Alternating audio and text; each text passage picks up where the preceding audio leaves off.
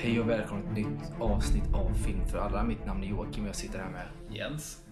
Och eh, i dagens avsnitt så är huvudtemat, eller temat för dagen, eh, min bakläxa. Eh, eftersom det var ett tag sedan vi, vi lottade vilken film vi skulle se och eh, återkomma till den. Och då blev det The Rainmaker och det här är ju, ja, det är ju nästan över en månad sedan så det är ju katastrofalt dåligt eh, av mig. Men jag hade mycket att göra så jag hann inte riktigt se den. Eh, men nu har jag sett den så vi ska komma in på den. Eh, tänkte vi, med lite annat smått och gott eh, som vi sett på sistone. Men först och främst så börjar vi med lite kort eh, nyheter och där kan Jens få inleda.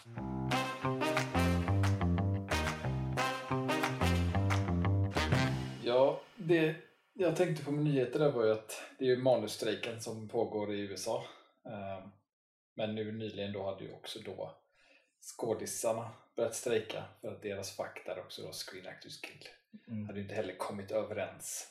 Nej, de kommer ju inte överens och sen så är det någon form av solidaritet också Ja. med manusförfattarna och branschen då ehm, som gör det. För vad jag förstår så var det till och med på eh, premiären eller vad det nu var på Oppenheimer va? Eller när de skulle ha någon sån röda mattan-event någonstans så hade de ju lämnat typ mitt i filmen. Eh, för att vid ett visst klockslag Ja, vid, så började vid strejken. midnatt så startade strejken så de var ju tvungna för att det är jätte, det är jätte, jätte, jättemycket skådisar inte får göra när de går på strejk.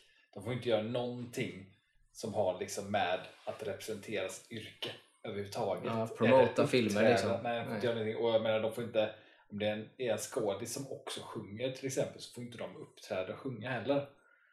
Eh, så det, det finns hur mycket saker som helst som inte får göra.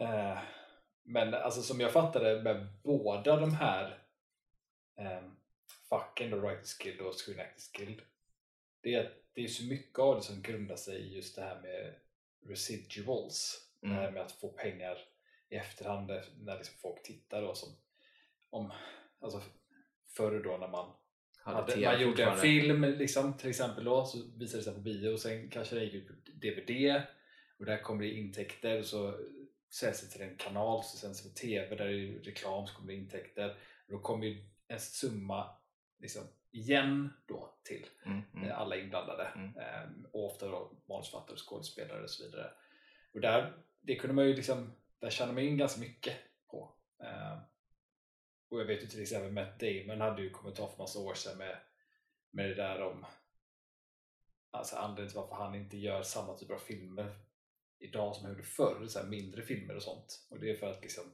det funkar inte att göra idag eftersom du inte får in de här residuals. För att där är det så här på 90-talet där visste han att liksom, han kunde få in nästan lika mycket som han fick in på biointäkter kunde han få in i DVD-intäkter i efterhand. Så att han kunde göra mindre filmer och man kunde ändå liksom gå jämnt ut. Men Mm. det funkar liksom inte idag. Eh, Är det streaming då som ställer till det? Ja, det är ju det som är problemet. Det är liksom, teknologin har ju gått så fort och man har inte hi- hittat en lösning på det. För att streaming innebär ju att det är ju ingen reklam. Du har ju kunder som betalar för en prenumeration. Så att om då vä- vänner till exempel, kan man ta som exempel, där den går om, den har ju liksom folk tittat på om och om, och om igen på streamingtjänster.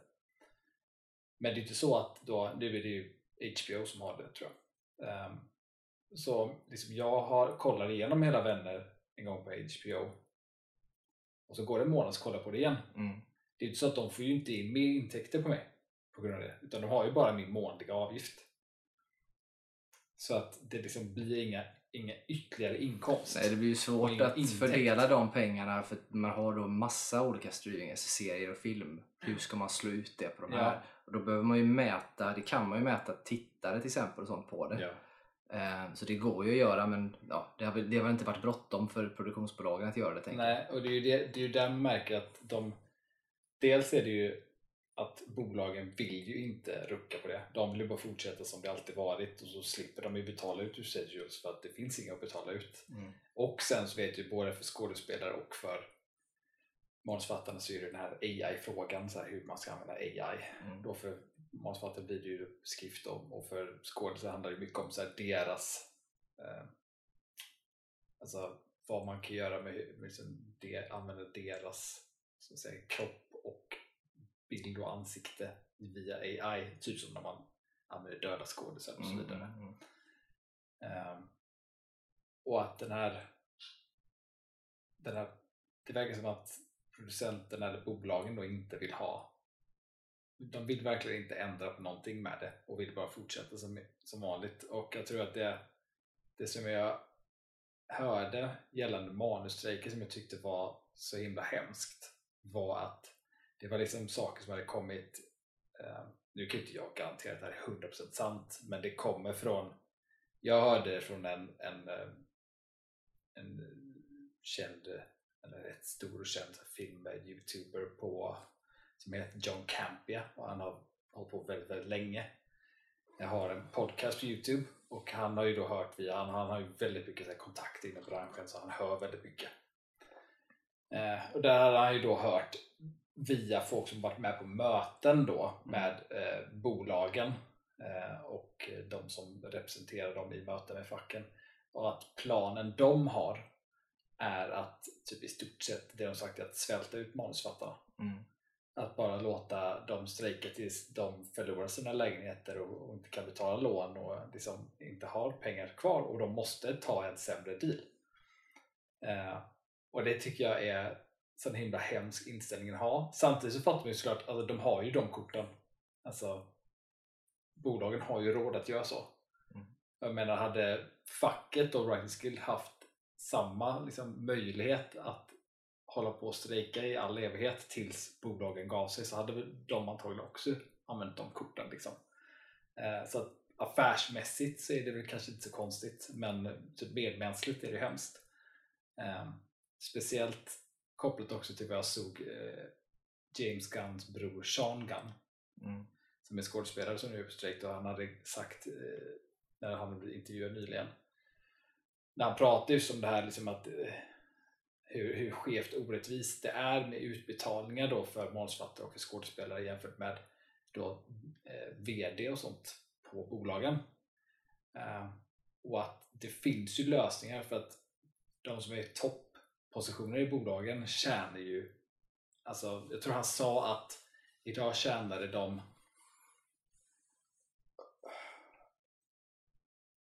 alltså vad sa han? hundra gånger mer eller sånt där än vad jag tror manusförfattare gör när det kommer till produktion. Liksom. Um, och att då ha inställningen de har mot skådespelare och manusförfattare att liksom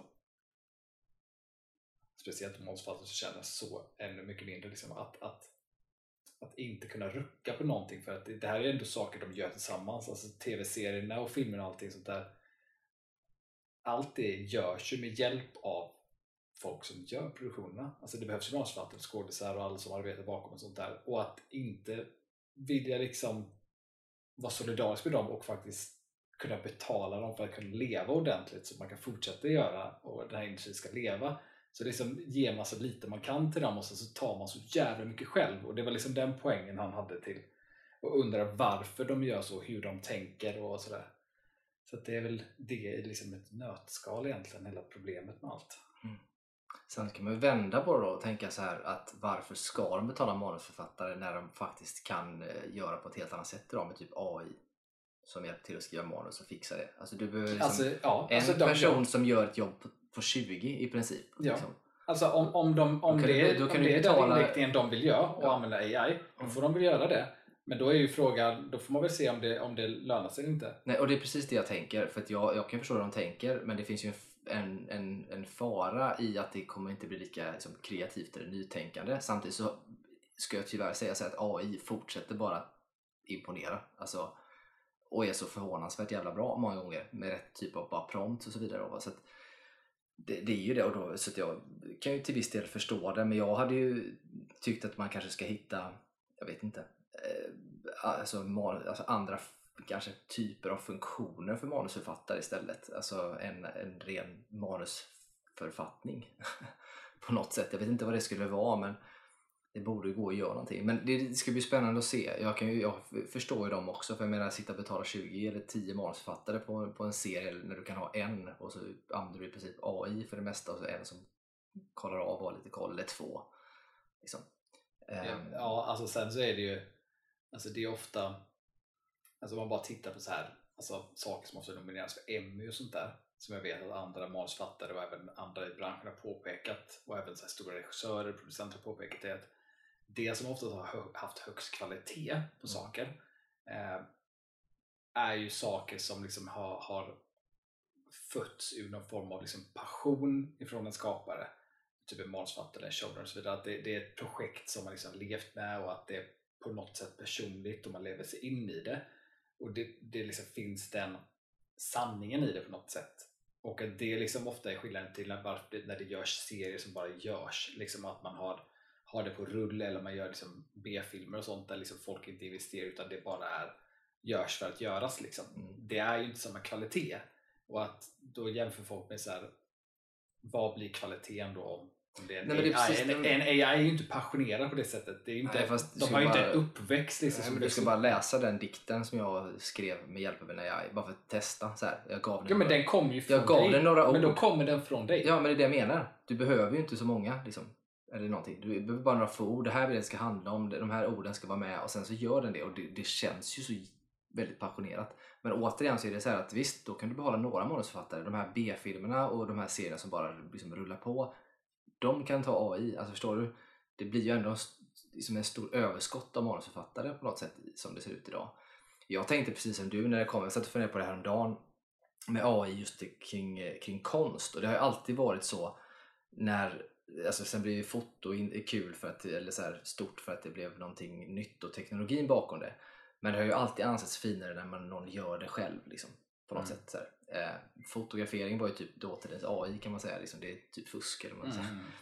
Eh, och så tänkte jag på det nu, för att menar, man kan ju säkert få upp någon som målar en bild och sen AI som gör en lika. Och så se att de blir typ lika bra. Eller liksom på något sätt, de ser fantastiska ut och jättemycket känsla alltihop då va. Men så blir det ju någonstans, man kommer liksom inte se skillnad. Men på något sätt så tror jag att människan kommer ändå att värdera den mänskliga mer för att det är en människa som har gjort det. Och så har det alltid varit. Är det gjort av människor så är det alltid högre värderat. Liksom, på något sätt. Samtidigt så eh, vet jag inte om det är tillräckligt ekonomiskt incitament att man tänker det, att det, människan är vä- värd mer på det sättet och så vidare och Ja. att man skulle vilja göra det. Jag tycker att det är svårt just för att jag tycker att de behandlar manusförfattarna och dem vidrigt.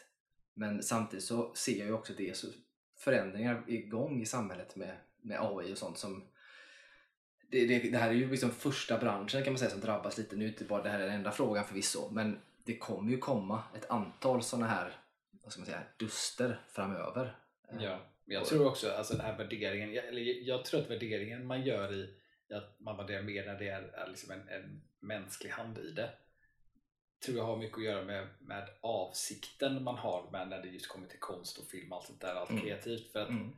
det som jag vet ett exempel som jag såg med AI till exempel just när det kom till eh, AI-genererade bilder och sånt. Det är ju typ något som får påpekat mycket, är typ händer Mm. händer ser ofta jäkligt konstigt ut så här, och folk är så här, varför, varför gör de det? Och så såg jag en, en så kort mini-dokumentär de hade gett sig in i det och att så här, anledningen till varför händer ser konstigt ut för att AI inte har en förståelse för vad en hand gör. De vet, de kan titta på bilder och se hur en hand ser ut men de förstår inte vad en hand är till för. Mm. Ehm, och jag kan tänka mig, då, jag kan bara spegla över det till typ om man skulle använda AI bara för att skriva då filmer. Alltså avsikterna finns inte där, anledningarna finns inte där. Den bara kan ta vad som den gjort och omvandla. Men den kan liksom inte, den kan liksom inte, inte förstå innebörden av det. Den kan skriva en, en sorgsen scen kanske, men förstår den innebörden av det och hur påverkar det slutresultatet? Ja, det är det som är grejen, att det vet man ju inte. Nej. För det kan lika gärna bli lika bra som en människa skulle göra det. Sen är det ju lite grann så att, jag håller ju med i det att en, en AI kan hjälpa manusförfattande och bokskrivning, allt möjligt egentligen. Men eh, jag tror ju egentligen att det, alltså det kommer ju, som det ser ut just nu även med AI så kommer det ändå behövas en mänsklig hand. För det Mm. behövs ju prompt då, eller så här, liksom, vad den ska göra och hur den ska göra det och så vidare.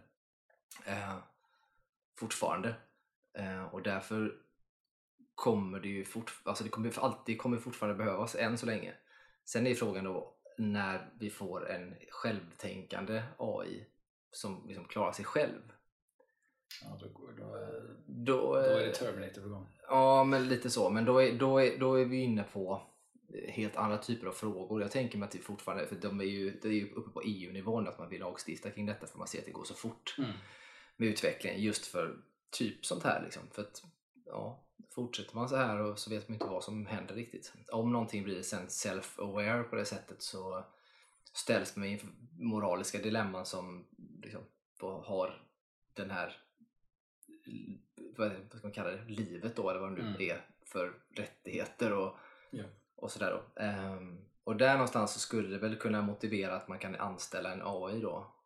Ehm, Alltså blir, som, blir, kan få jobb, som kan få vara kreativ finns, finns det en AI, blir AI, manusförfattare. ja, men blir, blir de självmedvetande och vi accepterar dem som det, då eh, är det ju liksom från min synpunkt en liksom, inte en, fråga längre så här, i användande av hur man använder, för då är inte det ett verktyg, då är det ju en, en individ. Eh, så. Men det är väldigt intressant det där eh, med strejken. Den är ju katastrofal och det är ju mängder av filmer som skjuts upp. Eh, och serier. Ja, specie- ja, alltså, med just manusgrejen så var det ändå så här, det finns ju ändå alltid manus de har i, liksom, i lager så de kan börja göra små saker och sånt. Nu, det här, jag hörde då att de skulle ju svälta ut dem, alltså de planerar ju än så länge då att, att liksom, de tror ju att manusförfattare kan inte hålla sig längre än till, till eh, runt jul. Ehm, och de är beredda på att låta dem göra det. Sen vet jag inte hur deras inställning nu har blivit då när skådisarna också gått på strejk.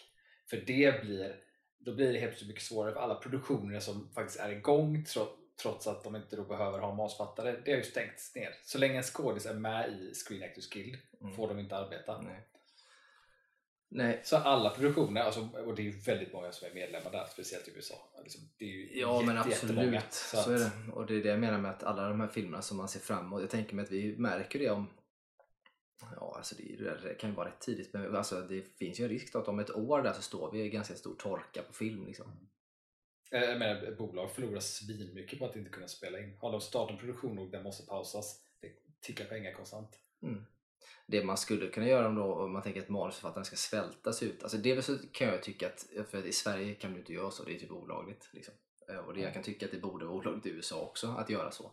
Men det, om man nu ska hitta någon lösning för det så kan man tänka sig ändå att de här mer välbetalda skådisarna som finns, som har en jävla massa pengar, skulle liksom putta in pengarna i form av pott då som kan delas ut, typ som, en, som man har sån här strejkkassor och sånt i Sverige. Liksom som Uh, man får pengar under tiden då, en viss summa så att, så att man klarar sig lite längre till. För det kommer slå som fan mot bolagen och de ska ju så inte kunna svälta ut manusförfattarna. Det är bättre att de kommer till en lösning. Det kommer ju få bli en kompromiss från båda håll men det kan ju inte vara att de ska svälta ut dem och sen ska de få jobba för skitlöner. För att jag såg, jag följer ju en sån på TikTok eh, tror jag det var. Eh, det var länge sedan jag var inne där men eh, en manusförfattare och han har ju skrivit hur mycket. Han jobbar mycket serier framförallt. Eh, bland annat så här, Everybody Loves Raymond och Mm. allt möjligt. Så här. Och så visar han lite grann så här, för han pratar om hur det är att jobba som manusförfattare. Han bor i ett vanligt hus liksom, i USA. Det är inte speciellt lyxigt eller någonting. Mm. Det är en vanlig liksom, tjomme som lämnar barnen på förskolan och liksom, lever sitt liv. Och så visar han då när han får sina checks då. Mm. Och han säger att de har blivit mindre och mindre genom åren. Men då får han ju fortfarande för de här, där du visar typ ett avsnitt av Everybody Loves Raymond. Eller, så att de här serierna som varit stora, då brukar han få, du vet, det kan handla om några hundra dollar kanske. Ibland så får han något från någon, vet, han, han var med och skrev typ Frasier, något avsnitt mm. för länge sedan och den är inte så populär så där får han typ en 30 dollar. vet. Och så får han i princip ihop en normal, vad ska man säga, en, en medellön för en svensk Mm. i princip på det. Så det är ju inte så att de har supermycket pengar, även Nej. de här allra Nej, duktigaste liksom, som har fått mycket gjort. Ehm, så det, det är ju synd liksom, Ja. på det sättet. Det är ju fruktansvärt på många sätt. Så att, eh, ja, nej, vi får väl se var det landar någonstans. Ja. Jag hoppas att eh, bolagen skärper sig lite. Ja. Helt enkelt. Lite mer solidaritet och så här, gemenskap. Man gör ju faktiskt de här produktionerna tillsammans. Men eh, då så, då hoppar vi lite grann in på ja, det som inte är så mycket nyheter egentligen, utan filmerna för dagen. Ja.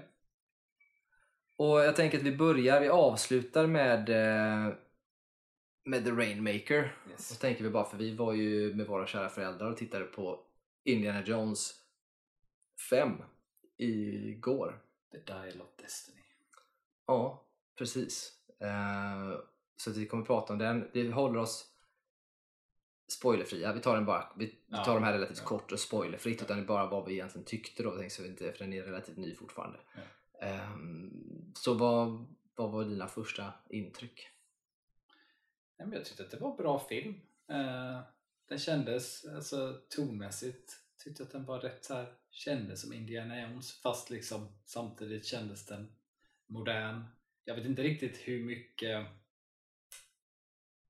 Alltså det, det känns inte så 100% Indiana Jones. Jag vet inte hur mycket det har att göra med att det är en annan regissör än Steven Spielberg. Att det kan liksom vara för att Steven Spielberg han har ju liksom troper han använder sig av alltid när han gör film ett speciellt sätt, använder kameran och, och framea saker.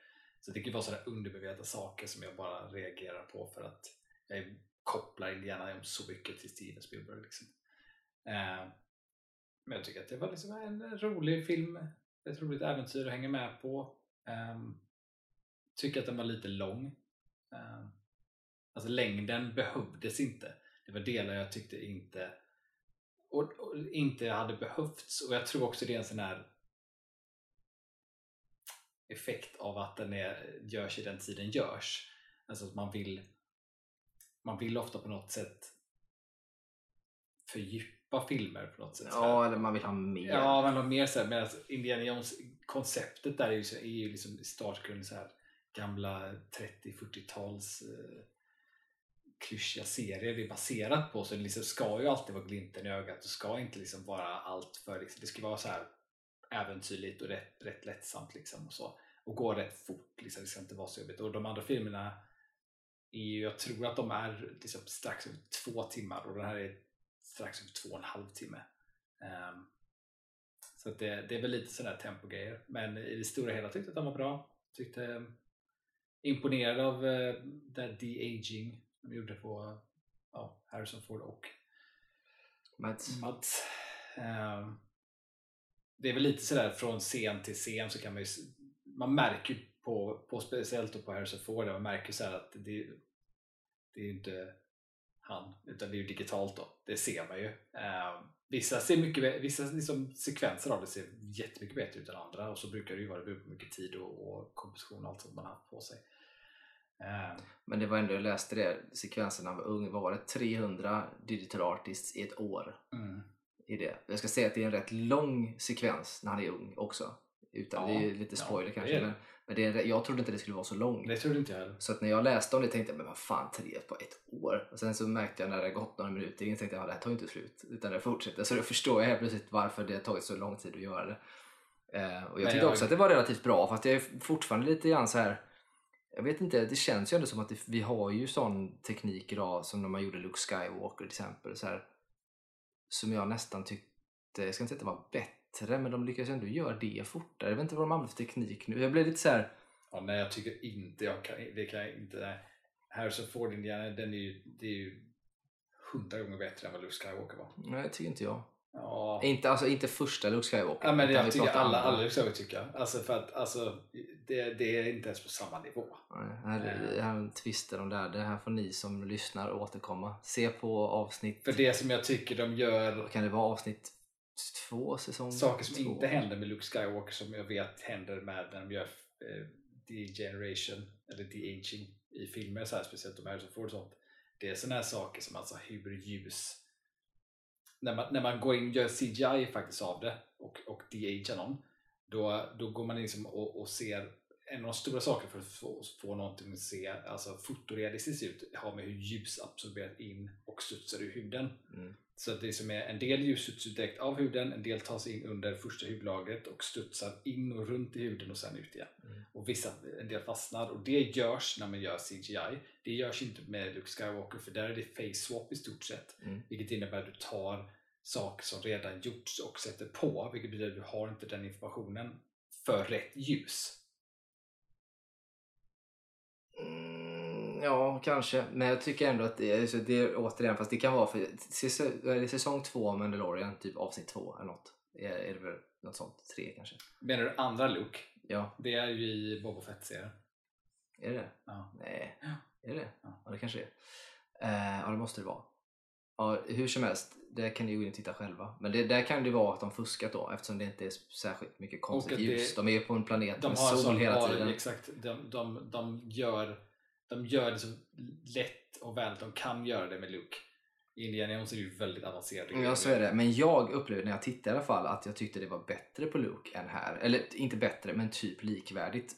Men det var ju som sagt inte så mycket heller rörelse och sånt. Alltså här är det actionsekvenser och det är slängsel. Så det är ju imponerande. Ehm, sen är jag ju imponerad av eh, att de lyckas, precis som man tittar på den här dokumentären med Michael J Fox still. Att det ser ut som Michael J Fox när man ser honom bakifrån, han rör sig och så vidare. Mm. Och det, den här människan som då spelar Harrison Ford, eh, Hans Solo då, eh, eller vad säger jag, eh, Indiana Jones, Mm. eh, rör ju sig som han gör. Mm. Också imponerande liksom. Eh, bra gjort. Sen såg jag ju också, det är inte bara CGI de använder sig av utan de har ju också använt sig av ehm, de har ju såklart använt CGI för att liksom förbättra saker då såklart. Men jag såg sig bakom grejer av, eh, de, med stuntfolk och sånt och body doubles där de har gjort masker på Harrison Fords ansikte som då är ung Harrison Ford ehm, och en gammal Harrison Ford och mellan Harrison Ford. Man ser ju han när han är i olika åldrar där. Och de här, bara de här maskerna, det är ju såklart i stillbild då, men bara maskerna när de var på eh, skå, alltså bodydubben och stuntmännen. För ofta när man sätter på, liksom, att göra en mask av en skådis är inte ovanligt så, men det ser ofta lite konstigt ut för att ansiktsformen är inte detsamma så att masken ser lite konstigt ut. Det är ofta, man gjorde det jätteofta för stunt förr. Ja. När det var kolla, när det kolla var långt Terminator ifrån. 2. Ja, när det var långt ifrån så hade man det. Terminator 2 när han landar med motorcykeln i den här Det är ju inte ens en mask. Det, jo, där har en mask. I just den lilla när man ser, för då ser man så tydligt att det ska vara Arnold, men där har han en mask. Ja, men när man ser, när man ser den jag tänker på i Terminator som är så känd som James Cameron gick tog bort. Där har stuntmannen ingen mask, han är bara kammad som Arnold. Ja men den vet jag vilken det är också. Men Ja. det, här, det finns en där, det, är- där han har en mask Ja, där man okej. typ ser att det skulle kunna vara det skulle kunna vara Arnold som liksom faller Ja. och ser lite ihopklämd och konstig ut. Men det ser nästan ut Ja. som en mask. Så det är en mask. Men alltså de här maskerna jag såg var ju extremt välgjorda och Mm. såg alltså fruktansvärt bra ut. Såklart kan du inte göra uttryck och spela i dem då såklart men jag kan tänka att det, det är på något sätt en väldigt bra grund. Mm. Alltså så att om du har det i, ett, i en så här bakgrund till exempel eller att du har det i, i en stund lite längre ifrån att du har det som grund. Där är grundansiktet. Sen behöver du bara liksom tweaka det med CGI. Ja, det är ju som, det är som riktigt Mission Impossible. Ja. Nej, typ. ja, det var bra. Jag, jag ska ta kort, jag tyckte att jag tyckte ju att den ändå kändes Spielberg. Jag tycker han gjorde det rätt bra. Jag tycker James Mangold känns lite som att han har lite så här. Eh, för jag tror vi pratade om det någon gång. Eh, med just vilka som har en sån där känsla för film på något eller vänster. Alltså som, som, är, som har den här magikänslan när man får med. Och så var ju bland annat, alltså Steven Spielberg har ju verkligen sin sådär. Och så eh, var det någon mer, typ om det var Ryan Johnson och eventuellt Gareth Edwards också vi nämnde tror jag. Men sen så tycker jag nog att James Mangold också är där. Han känns ändå, jag tycker inte att han känns helt olik Spielberg. Det känns som att han inspireras av honom en del. Eh, Det har han säkert gjort. det, det, så kan jag känna. Sen så förstår jag vad du menar också. Jag tyckte ju att den här var bättre än den förra som Spielberg själv regisserade. Eh, av olika skäl egentligen. Och Det kan man inte gå in på så djupt för då spoilar man kanske. Men det som jag var så glad över, som jag, som jag tror var lite missen med, med förra, för min del, det var att det var för mycket CGI.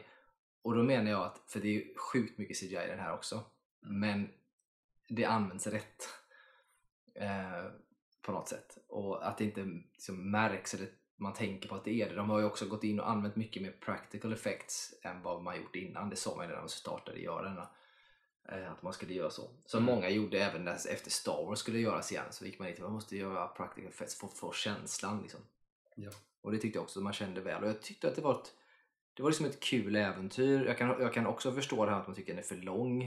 Eh, men samtidigt ser det här att för många så är nog Indiana Jones lite sådär att man, att man följer med på ett äventyr och en resa. Liksom. Ja. Och, sådär. och då försökte man göra den så stor och så episk som möjligt. Sen, det, sen så skulle du ju i princip kunna skala bort så jävla mycket. Du hade, gör, du hade kunnat göra filmen hur tråkig som helst. För alla transportsträckor kan du nästan ta bort. Liksom. För att de ger inte så mycket alltid. Ehm, så att, nej, jag tyckte att, men, jag, men som sagt, jag har inget, absolut ingenting emot den. Jag tyckte den var, den var fin och den var bra. Tycker Mm. Det var liksom en, en jag hade också så låga förväntningar eftersom jag var lite besviken på förra. För förra hade jag jättehöga förväntningar.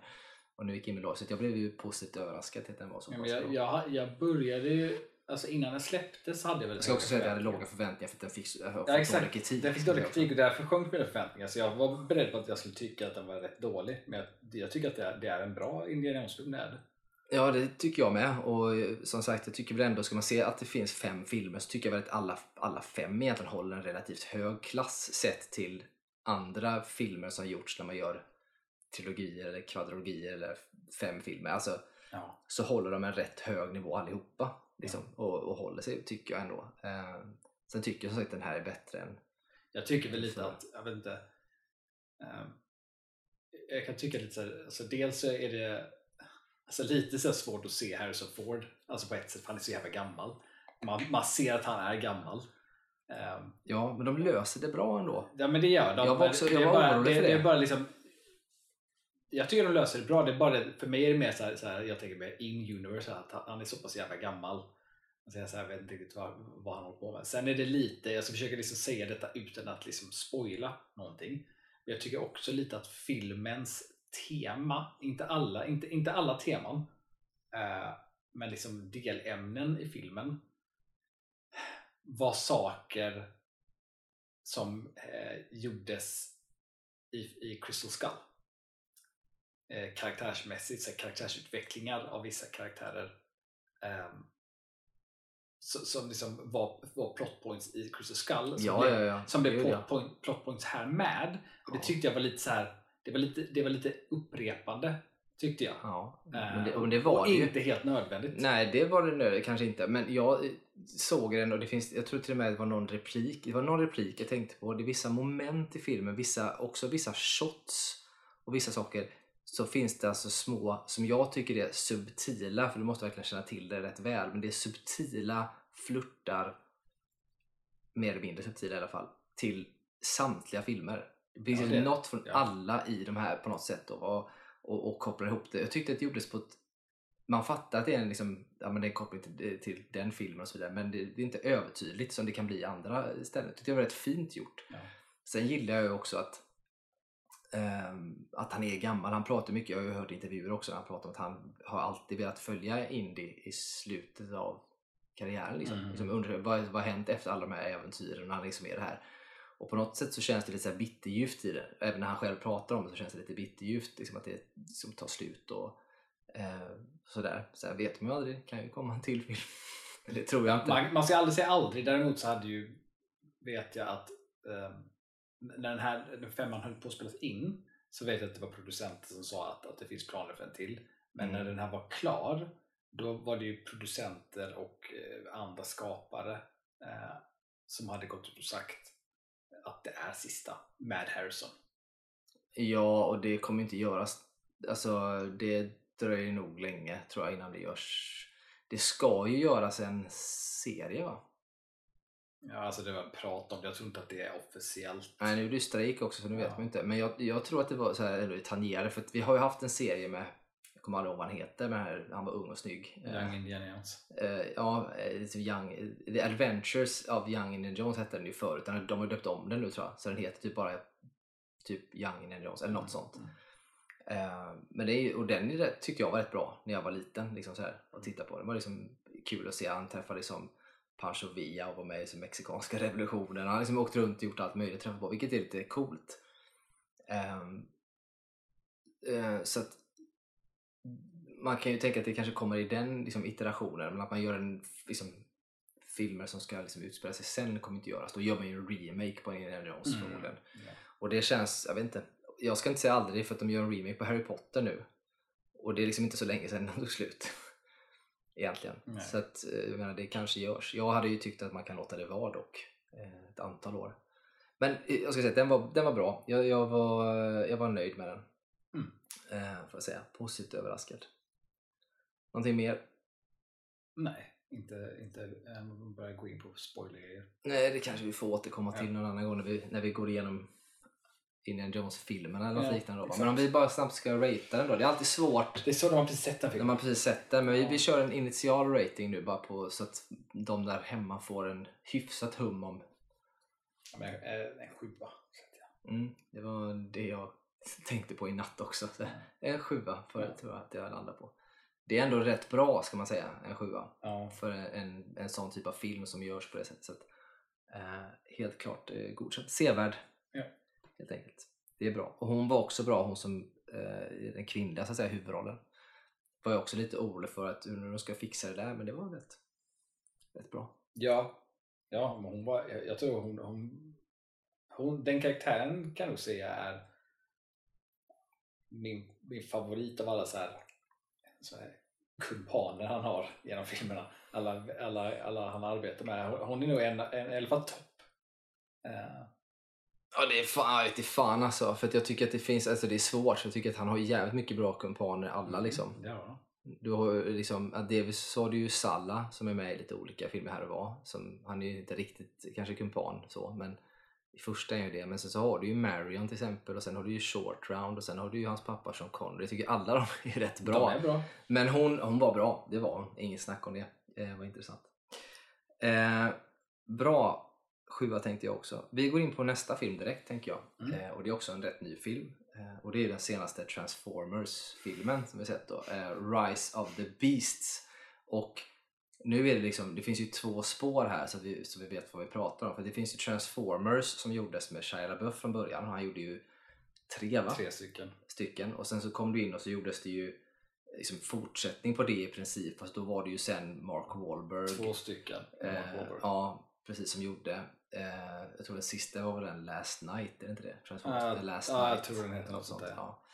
eh, och sen gjordes ju då, sen så på ett annat spår så gjordes ju då Bumblebee Som är prequel. som är en prequel och det är ju fortfarande, alltihop är ju samma Det är universum samma fortfarande. Det är bara det att Bumblebee gjordes som en prequel och eh, blev jävligt bra. Ja. För den är mycket mindre, det som vi pratat om så många gånger innan, att det blir en mycket mer personlig historia. Det blir liksom någonting man känner istället för att det är Ja. så, så stort, det är greppbart på ett helt annat sätt. Känslomässigt och, och, och sådär. Och så utspelar sig på, vad är det, 80 eller 90? 80? är det, va? 80. Ja. Ja, vilket är en tacksam jävla Ja. period. Jag älskar ju 80-tals eh, type period- pieces. Ehm, och sen är denna då, Transformers Rise of the Beast, i princip, det är ju inte några liksom sådär, vad heter det, skådisar eller någonting från, från Bumblebee med. Nej. Men det är en uppföljare på Bumblebee. Ja, och också en prequel. Ja, också en prequel till första Transformers då. Men det är liksom och den här inte... utspelar sig på 90-talet. Ja, precis. Så den, ut, den utspelar sig på 90-talet och är ju då...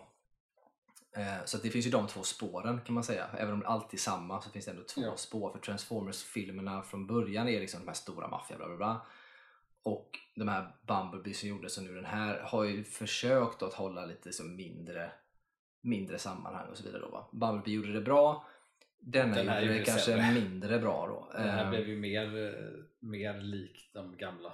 Eh, ja, lite så. Men om jag ska börja med, jag, tycker for, jag ska säga så här, jag tycker att det finns två bra Transformers-filmer. Den ena är Bumblebee, överlägset. Sen så är det första Transformers med Shia LaBeouf. Eh, för den, när den kom så var det, det var delvis hans, hans humor och kvickhet. eh, Han spelade där, Ja. Sam Witwicky. Eh, Mm.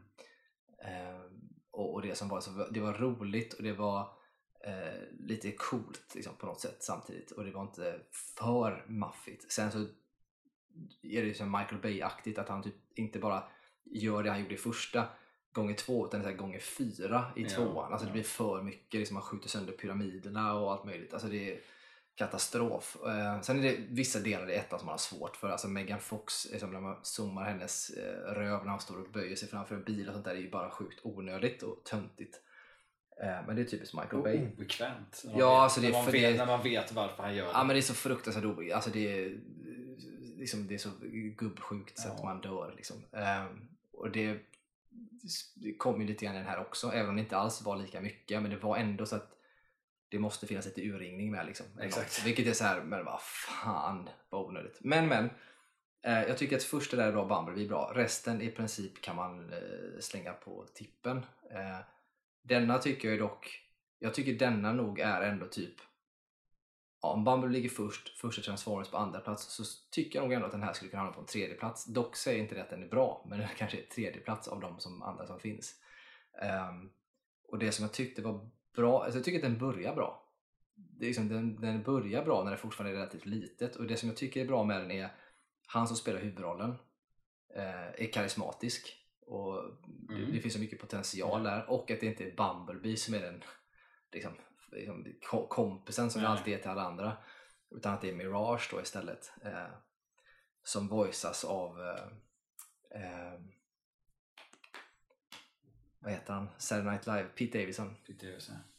Eh, som också gör det bra. Så den dynamiken de hade och det början, han är karismatisk och hans relation till hans bror tycker jag också är rätt fin. Så det tycker jag var bra. Sen ballade ur. Ja, alltså jag... Det bästa jag kan säga om filmen egentligen tycker jag väl är att, att jag föredrar typ designen på Optimus Prime. Nu föredrar jag designen på Optimus Prime mest i Bumblebee, men jag tycker att i den här så är han också bättre än han är i de andra. Uh, sen tycker jag, jag vet inte, jag tycker den här senaste den är, den liksom, är- den är för lik de, de Transformers jag tycker om och den är liksom lite för Fast and the Fury i sin liksom, dialog. Ja, det borde ju vara samma universum. Ja, och jag tycker, eh, Kanske kommer. jag tycker att det, är liksom, det är lite för mycket för mycket storslag action med för, liksom, för höga konsekvenser igen som är tråkigt. Ehm, Ja, men med för lite. Det är det här med att jag tycker att i första så får man ändå, det är liksom av en happenstance att det blir som det blir. För att Witwicky, är ju, Ja, ja. han- hans farfars far Ja. hittar ju någon grej och så han är ju som utvald på det sättet. Men här finns det ingenting som säger det.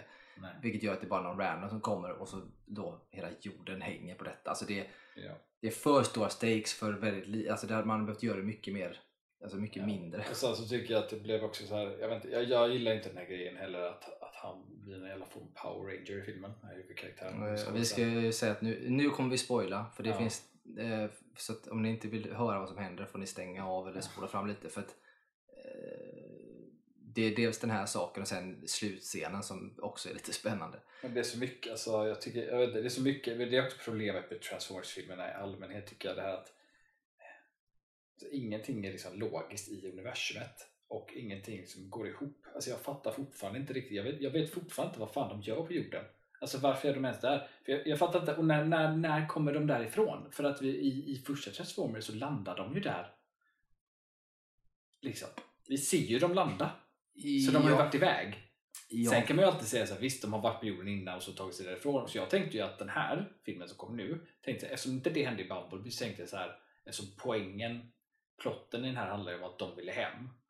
Då började jag säga, ja men då kommer det här sluta med att de drar.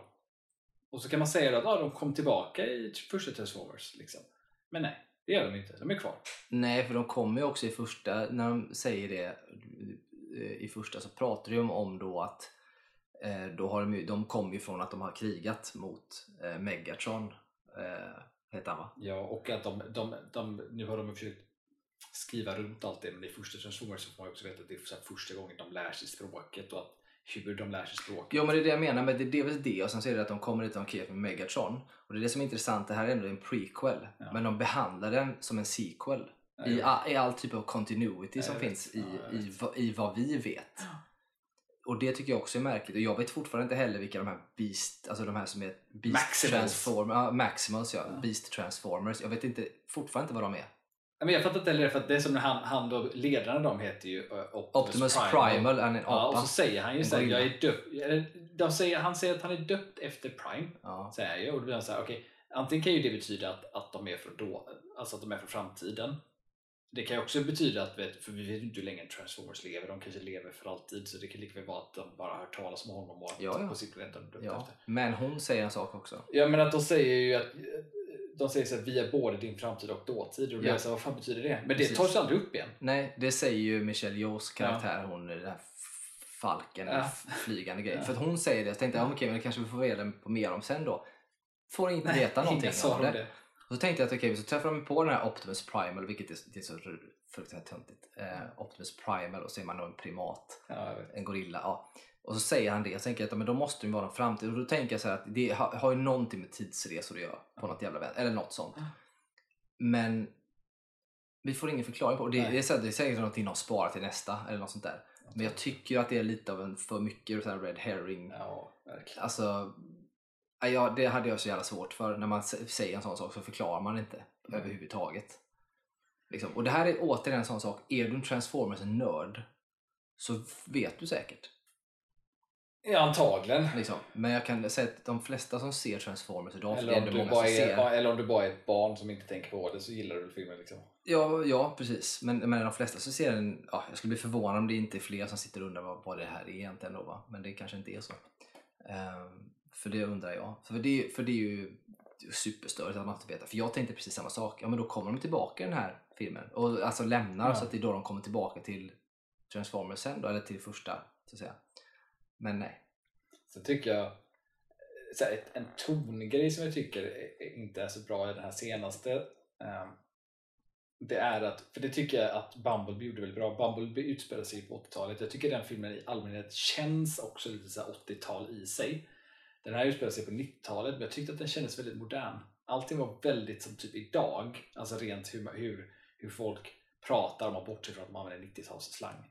Men liksom sättet man kommunicerar med varandra och liksom hur man berättar saker, allting kändes så himla modernt fast det är 90-talet. Eh, Så det Ja, blir, det blir ingen nostalgi av 90-talet för Nej, mig, som det, är, för, det är för att 90-talet är värdelöst. Det är inget bra årtid. Alltså det finns ingenting. 90-talet har ingen egen, i alla fall inte än en egen identitet tycker jag. För att 80-talet sträcker sig i princip från man brukar alltid säga att det sträcker sig några år in. Så att man kan brukar säga så här 70, alltså 80-talet börjar inte förrän 85 brukar man säga. Och 90-talet börjar inte förrän 90. Jag tycker ändå att 80-talet är 80-talet börjar nästan 79 skulle jag säga och håller på till typ 95.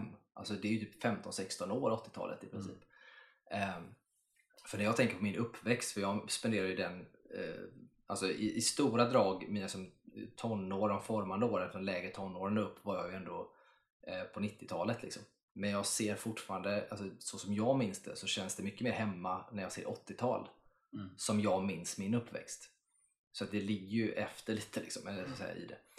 Ehm, men jag, kan väl till viss del hålla med dig, men det, återigen så vill jag säga att det är precis därför jag tycker att filmen börjar bra. För den börjar bra så visar den, det känns 90-tal då, det är vissa saker som gör det. Eh, det börjar på den lägre skalan, liksom, det är inte så urflippat. Och det, lovade liksom så här, men fan det kan vara rätt skönt. Tänkte ändå så det kan bli som Bumblebee, men sen så ballade det ju ur fullständigt då. Va? Jag tappade ju helt min koncentrationsförmåga där efter deras flygresa till Sydamerika. Eller vad fan det är. Och jag tappade min koncentration långt innan det. Ja, men någonstans Jag tappade det runt när jag skulle hämta Time Warp Key museet. Då var jag, då var jag borta.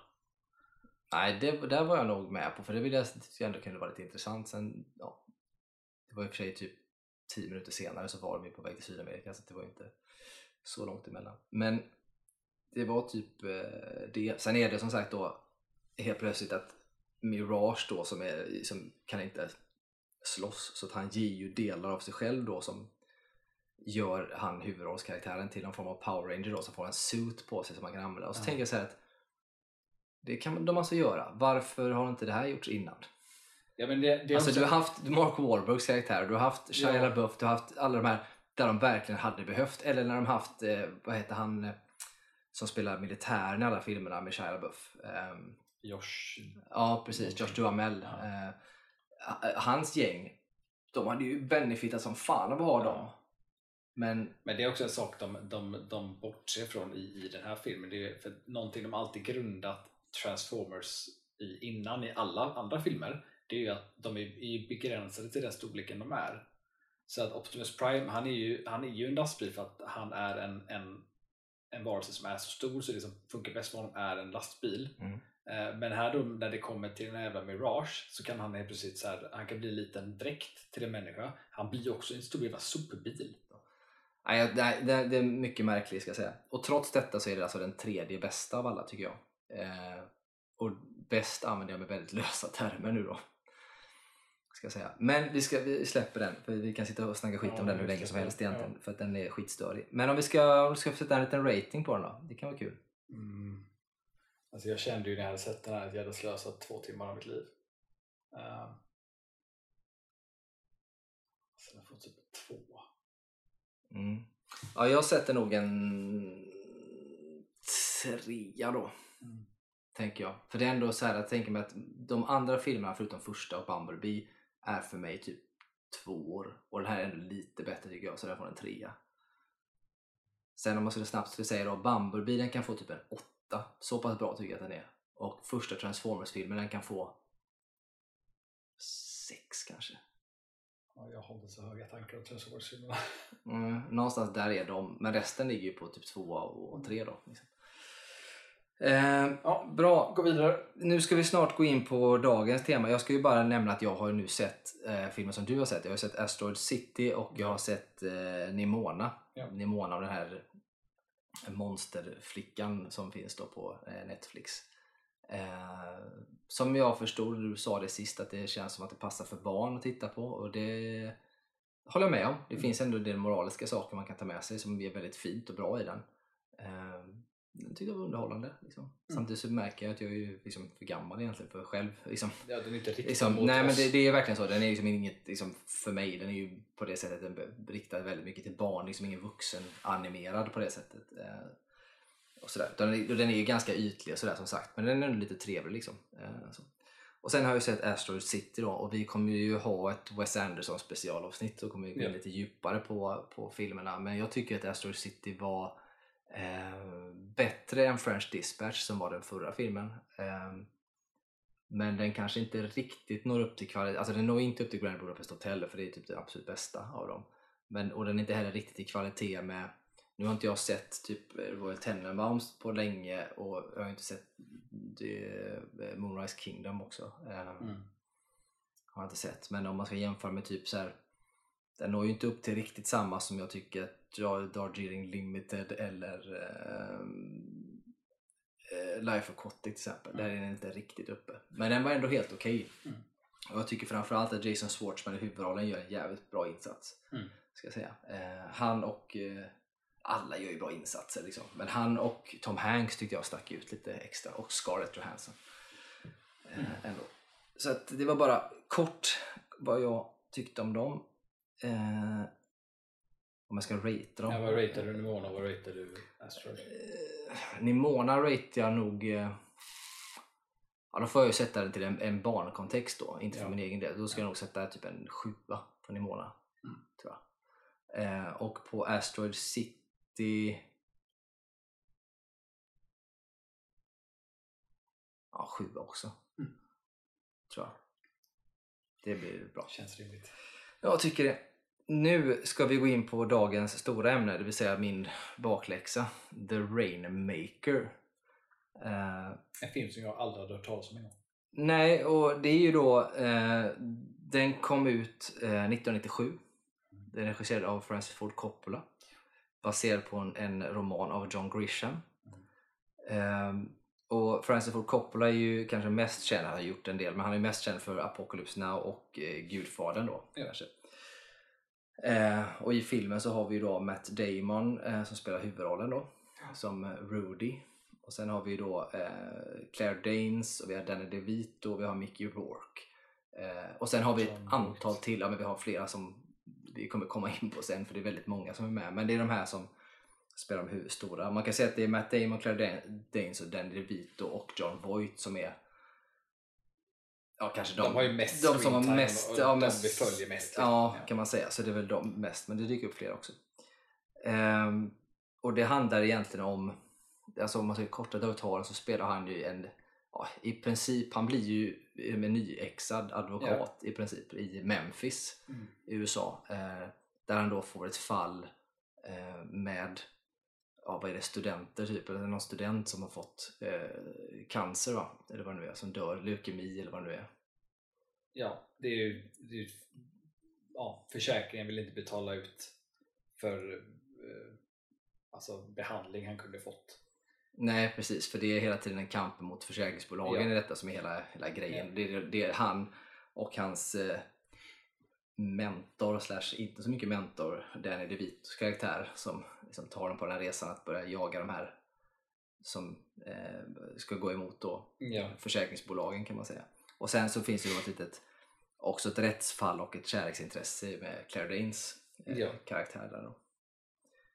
Eh, och så temat, de, de, de små mot de stora. Ja, precis. Och då följer man ju då Rättvisa i tema. den här liksom, ja, delvis undersökningen som görs då och sen i själva rä- rättssalen då, rättegången och så vidare. Då. Vad, eh, vad, vad tyckte du om detta? 97 kom den ändå, det är ett tag sedan. Alltså jag var glatt överraskad av den här filmen faktiskt. Jag tyckte att eh, fastän att jag aldrig hört talas om den så blev den så mycket nostalgi för mig. För det var så mycket så här, dels var det ett, liksom en se en film där liksom, det var länge sedan jag såg en film med Danny DeVito liksom, som jag inte hade sett innan. Liksom, så. Eh, kul att se honom liksom, i, för jag, jag, tycker, jag gillar Danny DeVito. Och rollen han spelar där är att han är liksom en han, han vill ju mer ha pengar, men han, kan, han har ett fint hjärta och det, han, han, det är lite som att han försöker liksom inte egentligen visa det, men han kan inte låta bli typ. Uh, och sen får jag också så nostalgi till alltså, när jag tycker Matt Damon varit typ så bäst egentligen. Alltså, mm. Det är ju den tiden han gjorde Good Will Hunting och han, han gjorde många av de här filmerna som är liksom djupare filmer och mer dramatiska roller. Liksom. Uh, kul att se liksom, han göra det. Uh, och sen just det som jag inte sett så mycket av Francis Ford Coppolas filmer, för han har gjort så mycket som jag inte har sett. Um, ja, han har gjort saker som inte är så, säga, inte superkända heller. Alltså. Och att jag, jag, märkte med, för när jag tittade på Rainmaker, det var Rainmaker som fick mig att se Apocalypse Now. Mm. För att det blev så här mer intresserad. Så här, för det jag märkte i Rainmaker är att, och sen, så för jag jämförde med Gudfadern och så jämförde jag med Apocalypse andra sett. Och det är att jag ser inte att Coppola har någon specifik liksom, eh, stilistisk attribut på sina filmer. Jag tycker inte att det finns någonting som är så här tydligt, ja, ah, där har jag en Coppola-film. Men jag tycker ändå att filmerna är väldigt bra. Han är väldigt duktig på det han gör och jag tycker att, att den här filmen är jag, ty jag tyckte om den väldigt mycket, mer än vad jag trodde. Och jag gillade, jag tyckte att den var liksom emotionellt väldigt stark och gripande. Eh, jag brydde mig väldigt, väldigt mycket om Matt Damons karaktär och hans resa och, och jag brydde mig väldigt mycket om de här liksom, offren av försäkringsbolaget. Eh, och det var verkligen sådär att man, man, man satt ju liksom och bara så hejade på Matt Damon. Mm. Och jag var också sådär att, att visst, man kan ju anta hur det ska sluta liksom, men jag var ändå så under filmens gång var jag ändå inte övertygad och helt 100% säker så här, vart, vart filmen ska gå. Eftersom att det också är det här spåret med Claire Danes karaktär, den här kärleksserien som också är ett typ rättsfall, mm. ska bli rättsfall. Hela den liksom sidoberättelsen där var inte heller riktigt vart jag trodde att det skulle gå och att det egentligen inte har ju inte det jag tyckte var mest intressant med hela, hela den sidoberättelsen är att den har liksom ingen direkt påverkan på huvudplotten. Den har ju mer den är mer där liksom för att ha struggles och utveckling för Matt Damons karaktär och såklart. Mm. Men det är inte så att den är, är extremt viktig för plott A. Liksom. Uh, men jag tyckte ändå att den var väldigt nödvändig och väldigt gav bara mer till karaktären att ha med det. Ja men det är ju på ett sätt ett, alltså rätt sätt att använda en sak i en film som kanske inte nödvändigtvis behöver vara ja. där men som ändå ger någonting till karaktär och så vidare. Ja. För man lär ju känna hans karaktär väldigt mycket genom den så relationen han får där. Vem och han är. relationen han hur... får till, till andra han tar på sig. Ja, liksom Specifikt att, det här då stora. Ja, precis. Men att han får det, liksom, man förstår det, liksom, på något sätt så bidrar det bara till att göra dem, alltså höja han som karaktär hela tiden och att hans liksom, resa blir väldigt eh, liksom, spännande i det och bra. Kändes också rätt liksom, jordad. Ja, oh, gud ja. Kändes, nu, jag har ingen aning men det, alltså, jag vet att den är baserad på John Grisham bok då. Jag vet inte hur mycket han har baserat på annat för att det känns ju ändå som att det skulle lika väl kunna varit en text i början som baserad på verkliga händelser. Ja, men jag, grejen, att, grejen jag tror att jag läste lite kort om det där för att hitta mer om det men den är ju vad jag förstår typ baserad på någonting verkligt. Mm. Eh, vad jag fattar det som. Jag har inte riktigt, riktigt lyckats hitta exakt vad men vad jag förstår så finns de här karaktärerna på riktigt. Alltså de finns, eh, vissa i alla fall, liksom, av dem på något sätt. Um, ja, men det känns som att John Grisham kan ha liksom tagit händelser han, ja, sen han läst om och undersökt och gjort en, ja, gjort en berättelse. Ja, liksom. möjligt. Sen är ju John Grisham eh, duktig. Liksom. Ja. Det var ju så eh, det var ju så han bestämde sig för att göra filmen. Nej, jag läste det. Eh, Principal Coppola. För han var så här, liksom, ville förstå John Grishams storhet typ. Alltså, vad är han för någon? Ja, han skulle ju flyga. Och så skulle han flyga på plan. Så köpte han ju då den här The Rainmaker då, ja. boken. Och så ja, läste han ju den under flyget. Ja. Läste ut den. Och bestämde sig för att göra film av den. I princip.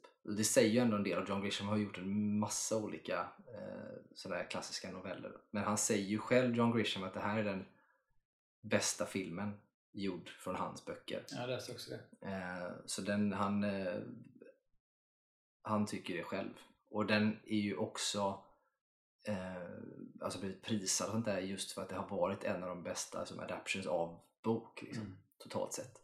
Eh, jag tror att det är den högst, jag tror att den kan vara den högst rankade på eh, Rotten Tomatoes just Mm. som är en bokadaption. Liksom. Och jag tycker att det märks tydligt för det är ju ändå sån här den, har, den känns intim och den känns liten, den känns jordad och, och väldigt verklig. Ehm, men det blir inte heller liksom tråkigt. Som det Nej, kan bli nej, ibland. det blir och det framförallt kan det hända om man tittar på äldre filmer. Nu kan jag ju tycka att 97 inte är så gammalt, men det är rätt gammalt. Men när man tittar på äldre filmer så kan det ibland kännas som att det här var bra då, men den är inte det nu för den är för långsam eller för, Mm. för tråkig. Men är det tillräckligt hög kvalitet på dem så kommer de fortfarande vara bra. Och Rainmaker är ett sånt exempel Mm. eh, på det. Och jag tycker det är så spännande just när man ser som du sa med Matt Damon för att det var ju under den här perioden han gjorde liksom fyra filmer efter varandra. Och då var det så här Good Will Hunting först, sen var det denna filmen. Efter denna så spelade han in eh, Saving Private Ryan Mm. och den sista var Rounders. Och det gjorde han så här under loppet av ett år. Liksom. Men det gjorde han eh, den där Ripley eller vad heter. Talented Mr Ripley. Ja. Det känns ju också ungefär samtidigt. Ja, alltså det... Den måste väl vara... Det måste ju vara lite... Kan det vara lite innan ändå till och med? Men det är ju samma veva där. Han gjorde ju sjukt mycket på den tiden. Ja. Liksom. Men just de här är ju verkligen direkt efter varandra. Det var ju som ingen paus. Nej. Utan det är bara från den till den till den till den. Liksom fyra filmer rakt streck. Och det ska man säga att det är inte så många skådespelare som gör idag på det sättet längre. Ofta Nej. för att de ofta är tied up ändå med olika saker. Men, eh, så det kan man inte göra. Men det är lite roligt att eh, när de hade den här biten så var det ändå att Good Will Hunting hade premiär december. Nej, jo december 97 och den här hade premiär i november 97 alltså så att även om en den spelades in före så blev den släppt f- som efter då. Så det är bara en månad. Och sen så blev det eh, Saving Private Ryan släpptes i juli 98 och Rounders slä- släpptes då också men de spelades in i slutet av november och december 97 alltså det, Mm. det är verkligen jävla tight på varandra sådär. vilket jag tycker är lite, lite roligt och sen så är det inte så långt därefter för att han, han känns ju jävligt ung där Ja. och det gör han ju i Talented Mr Ripley de också Ja. och även i Good Will Hunting och alltihop men så spårar du fram bara några år så är det plötsligt Jason Bourne Mm. liksom. och Born Identity och man bara shit och då, då, där ser han plötsligt liksom lite äldre ut och känns lite mer lite luttrad och han har gått upp i vikt och det fattar man ju liksom inte riktigt att han faktiskt har tränat sig upp Nej, exakt så. till, till Jason Bourne-rollen. Liksom vid skillnaden då. Men ja, ändå rätt coolt. Det som jag tycker är lite roligt är också att eh, Edward Norton provspelade tydligen för rollen som Rudy. Ja, men det kan jag se. Eh, för den. Och det, jag kan ju se det framför mig att han hade nog också kunnat göra det. blivit en annan film då tror jag. film. Men jag kan se honom göra den rollen. Han ser ju ut som han gör i Fight Club typ. Så här, skjorta och slips som hänger lite löst. Matt Damon tycker jag är lite mer eh, karismatisk än Exakt. vad han är. Så Mm. att, och, och det hjälper den här filmen väldigt mycket att han är det. Ja, han har ju ett sånt utseende som ser ut som lite pojkspoling liksom, Ja. som eh, på något sätt är det. Han ser jag ska inte säga att han ser dum ut, men han ser lite sådär valpig ut. Ja. Det gör ju inte Edward Norton på riktigt samma Nej. sätt. Sådär. Så att, eh, jag tyckte det var bra. Det är ju som sagt, men sen så också sjukt mycket bra skådespelare, förutom att det är han som regisserar och de som vi nämnde innan då, eh, alltså Matt Damon och eh, Claire Danes, Danny DeVito och Mickey Rourke så har du ju också eh, Theresa Wright eh, som spelade mamman där. Mm. Hon gick ju bort sig, men hon är ju också en Oscarsspelare, gammal skådis. Hon är ju född jättetidigt. Ehm, och sen har du ju då, John Voight nämnde vi, men vi har Dean Stockwell, vi har Roy Scheider, vi har Virginia Madsen eh, och så har vi ju eh, eh, domaren eh, Just det, det är Glover va? Danny Glover ja. Han är ju uncredited Mm. i rollen dessutom, vilket är lite märkligt för det är en ganska relativt stor roll. Liksom. Så det är ju konstigt att han inte är credited för den. Ehm, och den skulle ju, eh, var ju ursprungligen castad till Lawrence Fishburne. Men blev... Fishburne måste ju varit för ung för det. Ja men det var det jag tänkte också såhär, men, ja, fast det kanske han inte var i och för sig. För han, är för ska, han ska i och för sig, de gör ju också en poäng av att de säger att det är en rätt ung domare. Så det Ja fast Danny Glover är ju inte superung heller. Nej, Och sen så Lawrence Fishburne, visst att han är ung men 97, det är typ Så. ett år innan Matrix. han, den kom ut 99. 98 va? Eller 97 till och med. Nej, 99 tror jag Matrix kom ut. Det kanske den gjorde. Ja hur som helst, det är inte så långt innan Nej, Matrix menar jag, så han är ju inte Nej. ändå. Eh, så. Man tänker mest bara på hur det var i Apocalypse Now när han var Ja, liksom ja. 16 17 eller vad han nu var då. Sådär. För övrigt var ju faktiskt Claire Danes 17 år när de spelade in. Ja, Jag läste det. Trots att hon ska spela typ 20-åring. Ja, liksom. Vilket jag blev lite grann såhär, shit det var vågat. Ändå. Det är inte första gången han gör det för det är som sagt Lawrence Fishburne är Apocalypse Now. Han lärde sig inte läxan. Nej men lite så, verkligen. Eh, spännande. Eh, ja, det finns ju massa intressanta saker från den här filmen också. Så här. Det är till exempel i de här scenerna med John Voight när de har förhör i, i och sådär. Så för att få det så här så använder ju Matt Damon så, här, så kallad extra stimuli för att vara obekväm. Eh, liksom rent fysiskt använder han genom att lägga Ja, han la väl något i skon va? Ja, han la liksom stenar i sina skor för att han skulle känna sig obekväm i det. Och det är också så här ett sätt att akta. Alltså så. Jag vet inte hur mycket det, låter faktiskt som- gör. Nej, men det, det är ju säkert undermedvetna saker som händer. Ja, men det är det jag tänker mig, att jag vet inte hur mycket det gör för med sten, det är klart man är obekväm. Och jag tänker mig att det kan ju vara så att den obekvämheten faktiskt kan lysa igenom på något sätt i ditt eget huvud och på något sätt blir det någonting. Men det är lite spännande att man ändå gör så. Ehm, tycker jag. Det känns som ett sånt här, eh, så här, så här rätt så här, ny, ny skådisteknik på något sätt.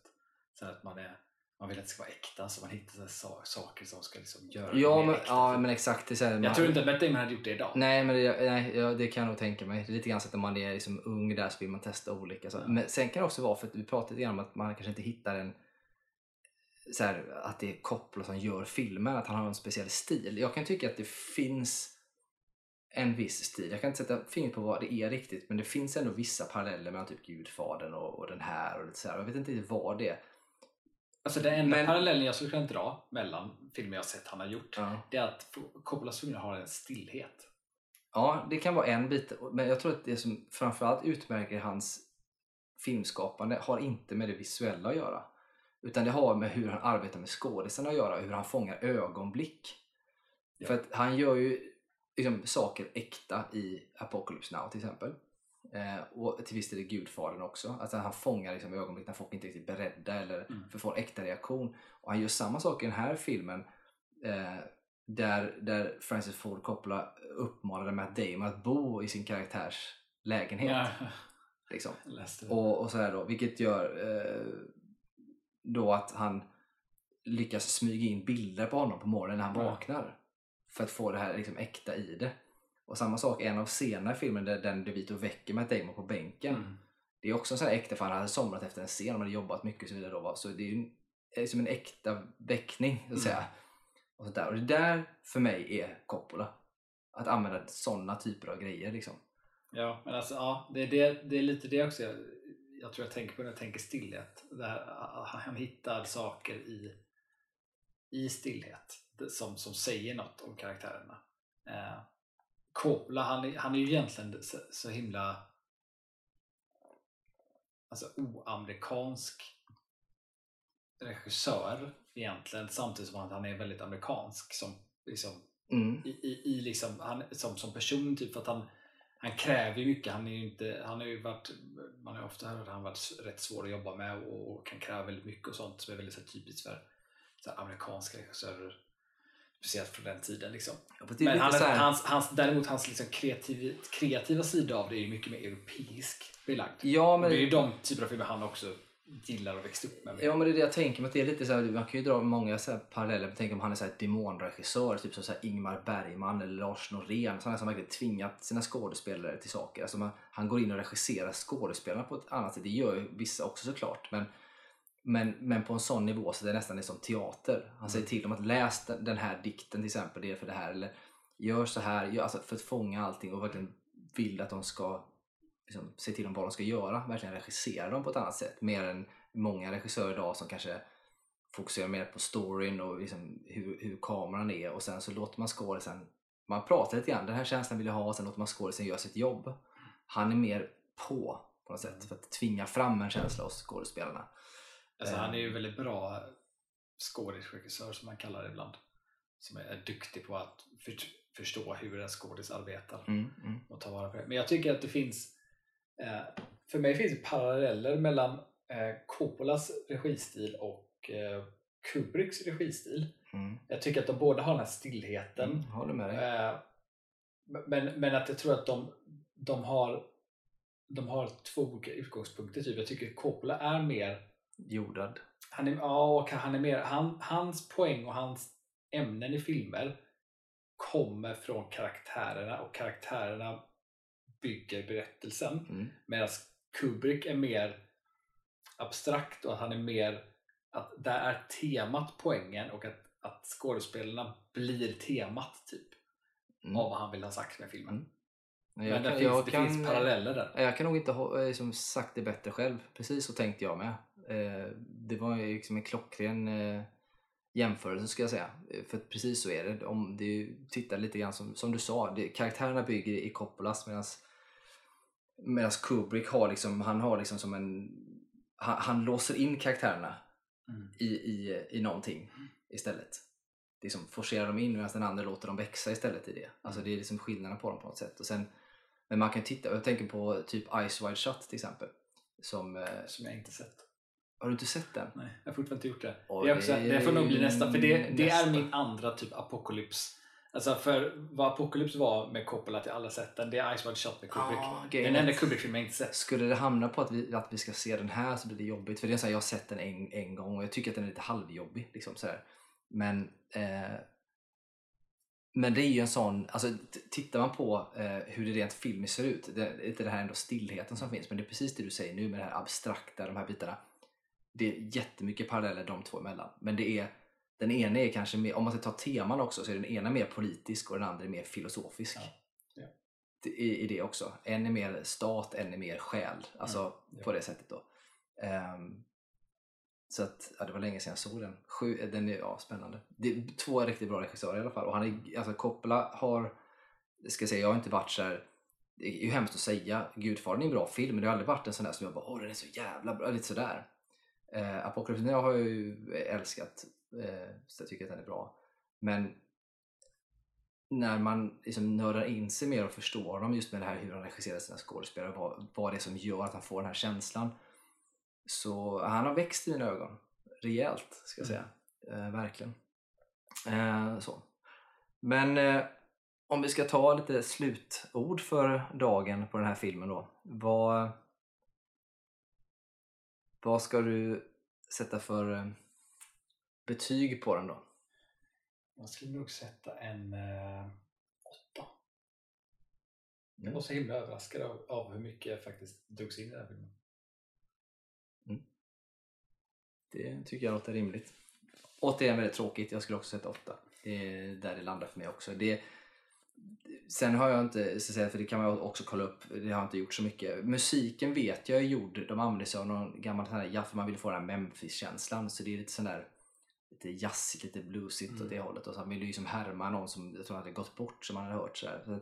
jag har inte satt mig in jättemycket vem som gör musik eller vem som liksom har hand om fotot och sånt i filmen som jag kanske hade tittat på i andra eh, delar. Men den är ju liksom, trots det med både skådespelandet och, och, och fotot så det är ju inget extraordinärt men den har ändå sina moment och hantverksmässigt är det en väldigt välgjord film. Och berättelsen är väldigt, väldigt bra och det är också John Grishams förtjänst såklart. Men den görs väldigt bra av Coppola. Så att, Ja. Alltså jag, jag var lite förvånad faktiskt för att jag, jag har ändå liksom gått i ja, dels gick jag i gymnasiet, gick jag så filmkunskap, sen gick jag filmvetenskap på universitet och sånt där och gått lite sådana kurser och, och även när jag varit bland sådana här olika sammanhang med andra filmskapare och sånt där på seminarier och sånt där. Jag har liksom aldrig hört talas om den här filmen, att den tas upp som ett exempel, typ så här, så här typ hur man gör film. Och det är jag lite förvånad över, för Gudfadern tas, tas ofta upp och Mm. Apocalypse tas ofta upp. Men så här, för mig tycker jag att Rainmaker ska tas upp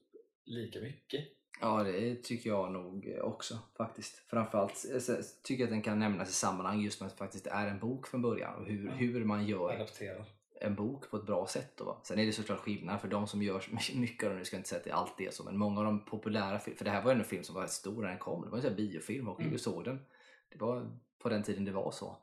Eh, Men idag när du gör adaptioner av saker som har gjorts innan, då är det antingen en remake på en eh, manga eller anime eller en fantasy-roman. Alltså det är en annan, ett annat sätt att göra film på. Ja. Eh, man gör, det händer fortfarande. Mycket av det man ser idag är fortfarande som man inte vet, liksom noveller och böcker egentligen. Men det slarvas ofta för det är inte alltid så här stora författare som man gör någonting av. Men, Men- adapterar man någonting idag så är det ofta att man gör det för att man tänker att det ska på något sätt bli en franchise. Ja, på något sätt. Det finns ju de här eh, som, så att säga, alltså det är väl alltid ekonomiskt tänk när man gör Ja. saker men jag upplever ändå att det fanns en, en större, kanske eh, liksom ändå lite större kärlek till film förr än vad det har blivit de sista åren. När det ska bara plöjas ut så mycket. Och det har ju lite grann att göra med streaming och sånt också. Ja. Det ska fyllas liksom. Vilket gör att man försöker hitta allt möjligt och plöja. Så vill man då tänka på okay, men vad kan vi få mest avkastning för? Men det här kan bli en franchise. Mm. Då ger det ju massa då. Ehm, jag hade kunnat köpa en uh, Rainmaker-franchise.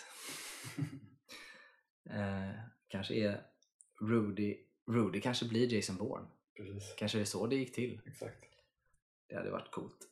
Men det var väl allt för idag tänker jag. Ja. Ehm, vi slutar där och så får jag tänka att nästa nästa eller nästnästa avsnitt eller något sånt där så gör vi en till eh, en lottning. Lottning Så ser vi vad vi får för film. Ja. Tänker. Men men, tack för att ni lyssnade så hörs vi igen eh, nästa vecka helt enkelt. Ha det så bra. Ha det fint!